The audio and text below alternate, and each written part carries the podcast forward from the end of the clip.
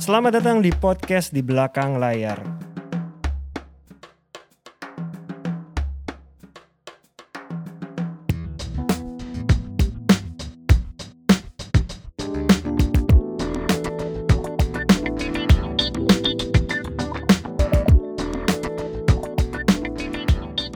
Halo teman-teman pendengar podcast di belakang layar, apa kabarnya? Semoga sehat selalu. Buat teman-teman yang sudah beraktivitas di luar rumah, jangan lupa protokol kesehatan tetap harus dijalankan. dan tetap semangat menjalani pekerjaan dan hidup. Amin. Masih bersama saya Dipa Andika dari HHH Corp dan partner saya. Dan saya Sulung Landung dari Avatara 88. Kita masih di tengah-tengah, kita bukan di studio ya Mas Enggak. berdua. Kita Iya. lagi berdua bertemu Di, aja di salah satu kafe lah di salah di satu kafe. daerah Kemang. Kita kalau lagi ngobrol tiba-tiba ke besit satu Iya. topik akhirnya kita rekam jadi podcast supaya obrolannya nggak cuma kelewat aja kita Iya. share ke teman-teman. Sayang kalau kelewat. Sayang. Bang.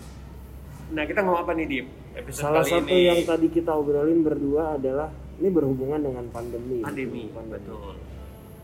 Dan kebetulan gue juga habis ngobrol sama beberapa manajer. Ada kalimat di mana eh, kalimatnya gini, gimana nih talent gue udah sekian bulan gak dapet dapet job. Berawal dari situ. Jawabannya kan pasti buat talentnya biasanya akan balik ke manajer. Udah ada job apa aja gue ambil. Job yang enggak biasa kita lakuin gue ambil. Sampai kalimat terakhir adalah berapapun gue ambil ini sekali lagi pro dan kontra ya buat kita sebagai manajer artis untuk untuk menjalankan konsep ini.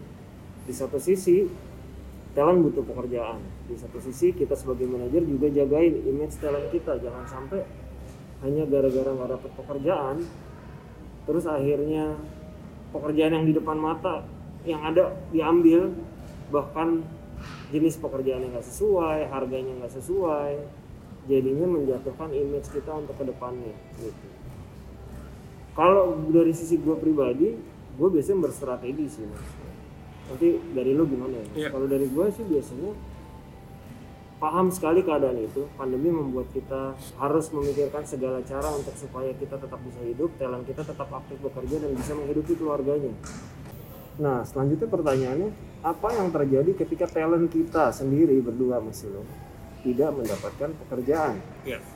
ya kalau gue pribadi mungkin lihat biasanya mapping ya tiga bulan ke depan gimana nih kalau dia nggak bisa dapat kerjaan sama sekali bisa hidup apa enggak kalau ternyata masih bisa hidup gue mikirin strategi plan B nya atau plan C nya dia ngapain enam bulan nggak ada kerjaan gue bikin lagi gimana intinya gue pertama-tama sebelum ke sana adalah melihat berapa lama talent gue bisa bertahan jika tidak ada pekerjaan sama sekali gitu.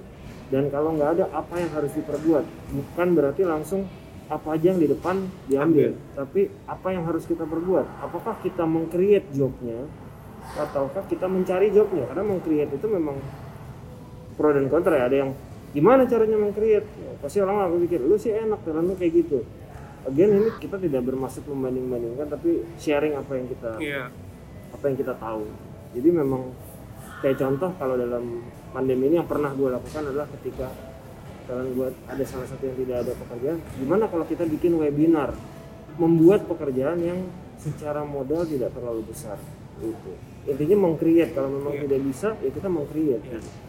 Gak tau kalau dari sisi lu gimana mas? Kalau dari gua gini, eh, ini dari pendapat gua ya, maksud Iya. gua, eh, gua juga sangat amat paham sih, maksudnya itu adalah problem dan harapan kita semuanya, Iya. ya kan, semua, semua manajemen artis, semua manajer, semua talent mengalami hal seperti itu. Jadi kalau istilah gua itu kan musim baca klik ya, Iya. seperti itu dan kita nggak tahu juga kan musim baca kliknya tuh sampai berapa lama. Iya, Maksudnya itu kita ngomongin awal-awal pandemi. iya, Tapi dalam perjalanannya kelihatan kan situasinya kan uh, gini, karena industri hiburan itu semua orang butuh hiburan. Iya. Pada akhirnya itu adalah gimana caranya pihak televisi, pihak PH, ya kan, kemudian juga pihak IO, pihak WO segala macam itu mereka bagaimana caranya tetap meng-create event, Kegiatan. kegiatan, tapi mungkin dengan menerapkan protokol kesehatan ketat dan skop kerjanya dikecilin kan seperti iya, itu. iya, iya. Jadi kemungkinan paling penting itu adalah satu, kita itu harus bisa beradaptasi dengan situasi seperti sekarang ini. Bahwa situasi sekarang ini adalah sangat berbeda dengan situasi kalau normal. Itu harus kita sadari seperti itu dulu. Nah, begitu kita menyadari seperti itu, berarti kita harus melakukan beberapa adjustment, ya kan? misalkan satu dari sudut dari budget gitu karena kadang-kadang uh, misalnya gini bukan kadang-kadang tapi kebanyakan klien kan berpikir oke kalau kita nggak datang di tempat mereka cuma di rumah aja berarti fee-nya bukan fee off air dong Iya. itu kan fee online Iya. seperti itu otomatis kan ada adjustment Oke. itu satu Iya. ya kan yang kedua adalah perkembangannya sekarang oke mereka tetap mengadakan online tetapi talent kita harus datang ke studio Iya. untuk rekaman Iya. nah itu kok buat gua tuh anggap aja tuh tetap aja itu uh, itu on air eh itu Off air. adalah sorry itu off itu Karena kita offline datang. tapi offline Betul. karena kita datang ke Betul, lokasi kan betul. seperti itu Nah, Betul. jadi dalam situasi seperti ini kamu kan paling penting adalah satu kita harus yang tadi yang lu bilang juga setuju jadi mau menambahkan apa yang lu bilang itu kita itu harus sama talent kita itu harus bisa melihat situasi dan kondisi dan harus bisa mengadjust Iya. Nah sekali lagi kamu gue itu adalah pilihan dari masing-masing talent sama manajer artis kita ini kamu gue gue tuh nggak bisa oh menjudge oh kalau lu seperti itu lu salah enggak Enggak. Karena situasi ini seperti dalam ini nggak ada salah benar. tidak ada salah benar tapi bagaimana kita tetap bisa survive Hmm. bagaimana kita tetap bisa uh, eksis di industri hiburan ini dan kita tetap bisa berkarya berproduktif dan bisa mendapatkan penghasilan Iya. itu kan itu kan prinsipnya itu dulu Iya, iya. Nah, tapi kalau gue juga berpikir seperti itu, gue juga udah ngomong sama talent-talent gue juga adalah oke kita dalam situasi seperti ini kita harus wise. Yang Iya. arti budget kalau memang harus kita perlu adjust kita adjust. Iya. Tapi bukan berarti adjustnya itu gila-gilaan. Betul. Karena bagaimanapun juga satu hal juga kalau menurut gue dalam situasi seperti ini juga kan mereka ada value, Iya. mereka itu ada image, Hmm. ya kan mereka itu ada skill kan seperti itu. Nah itu kan yang harus di harus di apa ya itu harus dipertimbangkan Betul. seperti itu. Nah jadi kalau prinsip gue sih gue tidak akan ini ya, gue tidak akan kayak obral besar-besaran gitu loh, gue nggak mau. Iyalah. Jujur, Iya, gue iya. nggak mau coba gini, gue nggak mau melakukan hal seperti itu karena buat gue itu gak bagus apa gak bagus untuk talent itu sendiri. Jadi kita seperti tidak meng-value mereka Hmm. ya kan padahal dengan jam terbang mereka ya kan dengan pengalaman mereka itu kan value itu harus Iya. dihargai itu harus di value gitu nah tinggal oke dalam situasi seperti ini klien atau itu minta adjustment oke nah kita kan lihat-lihat juga oke ini eventnya bagus kok Iya. karena apa eventnya ternyata nantinya bisa memberikan dampak yang bagus buat mereka gitu Walaupun misalnya cuma online. Iya, Karena online. online tuh sekarang nggak bisa cuman ya, karena bentuknya sekarang udah itu sangat udah signifikan sangat jadinya signifikan, ya. Nah, jadi kalau menurut gue itu apa yang paling penting itu adalah satu yang tadi gue udah sebutin yang yang, yang paling penting itu adalah jangan kalau menurut gue sih ya kita harus berpikir panjang kita jangan berpikir sekarang juga Iya. karena misalkan ya kita kita lihat aja deh dari tahun lalu sampai sekarang udah beda Iya. Sangat berbeda Bahkan program online udah sangat nah, terus dan berubah, orang sudah udah lebih orang udah lebih udah udah udah terbiasa dan mereka udah mulai bisa beradaptasi untuk bikin event Iya. Nah, which is itu kan satu hal yang bagus. Iya. Berarti kan event udah mulai jalan, Iya. off air mulai jalan. Maksudnya gini, uh, acara-acara online gitu ya, online gitu itu mulai jalan gitu. Iya.